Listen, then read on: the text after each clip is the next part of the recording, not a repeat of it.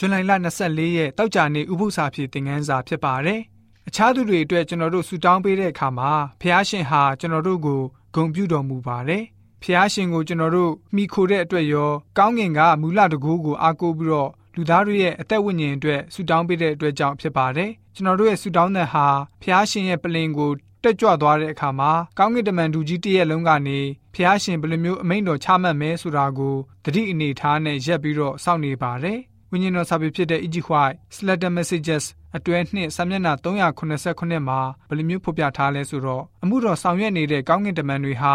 ယုံကြည်ခြင်းရှိပြီးတော့စိတ်အားကြီးစွာဆုတောင်းတဲ့သူရဲ့အဖြေကိုယေရှုခရစ်တော်ဘယ်လိုမျိုးတုံ့ပြန်မယ်ဆိုတာကိုအစဉ်အသက်အနေထားနဲ့စောင့်ဆိုင်းနေကြတယ်ဆိုပြီးတော့ဖော်ပြလိုထားပါတယ်။ကျွန်တော်တို့ရဲ့ဆုတောင်းချက်တစ်လုံးတစ်လေများမပြောက်ဆုံးစေရလို့အာမခံချက်ထားရှိပါတယ်။ဖះရှင်တကူးမှမေ့ကြံခြင်းမရှိရပါဘူး။ ကောင်းကင်မှတ်တမ်းမှာတေချာစွာထားရှိပြီးတော့အကောင်းဆုံးအသင့်လျော်ဆုံးအချိန်မှာချပေးဖို့အဖြေပေးဖို့တည်တည်ချာချာပြင်ဆင်ထားပါတယ်။ဝိညာဉ်တော်စာပေဖြစ်တဲ့ E.G. White Testimonies for the Church အတွဲ1စာမျက်နှာ231မှာဆိုလို့ရှိရင်ဘယ်လိုမျိုးဖော်ပြထားလဲဆိုတော့ယုံကြည်ခြင်းအပြင်ဆူတောင်းတဲ့အရာအလုံးမပြောက်ဆုံးစေရပါဘူးသို့တော့တောင်းလျှောက်သမျှအမှုအလုံးစုံတွေဟာအချိန်အခါတင့်လျော်တဲ့နီးလန်းနဲ့ဖျားရှင်ချပေးတော်မူပါတယ်ဆိုပြီးတော့ဖော်ပြလိုထားပါတယ် ဖျားရှင်ကိုမြုံကြည်လက်မခံသေးတဲ့ကျွန်တော်တို့ရဲ့အိမ်အောင်ဘက်ဒါမှမဟုတ်သားသမီးဒါမှမဟုတ်ဆွေမျိုးညာတိဒါမှမဟုတ်မိတ်ဆွေတငယ်ချင်းလူပေါ်ဆောင်ဘက်တွေအတွက်ဆူတောင်းပေးခြင်းအမှုကိုပြုဖို့ဘယ်လိုမျိုးအားပေးတိုက်တွန်းမလဲ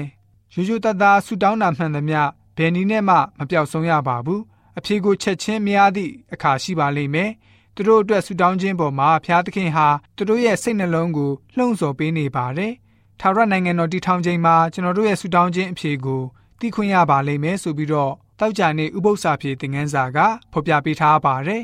ဥပု္ပ္ပစာဖြေသင်ခန်းစာ၄ကတော့ဒီလောက်ပဲဖြစ်ပါတယ်ဥပု္ပ္ပစာဖြေအစီအစဉ်တစ်ဆက်သူကျွန်တော်ဆဆောက်ပါကျမ်းနာတော်သူရောက်စီတိုင်းဝิญဉ်ခွန်အားနဲ့ပြေဝကြပါစေကျေးဇူးတင်ပါတယ်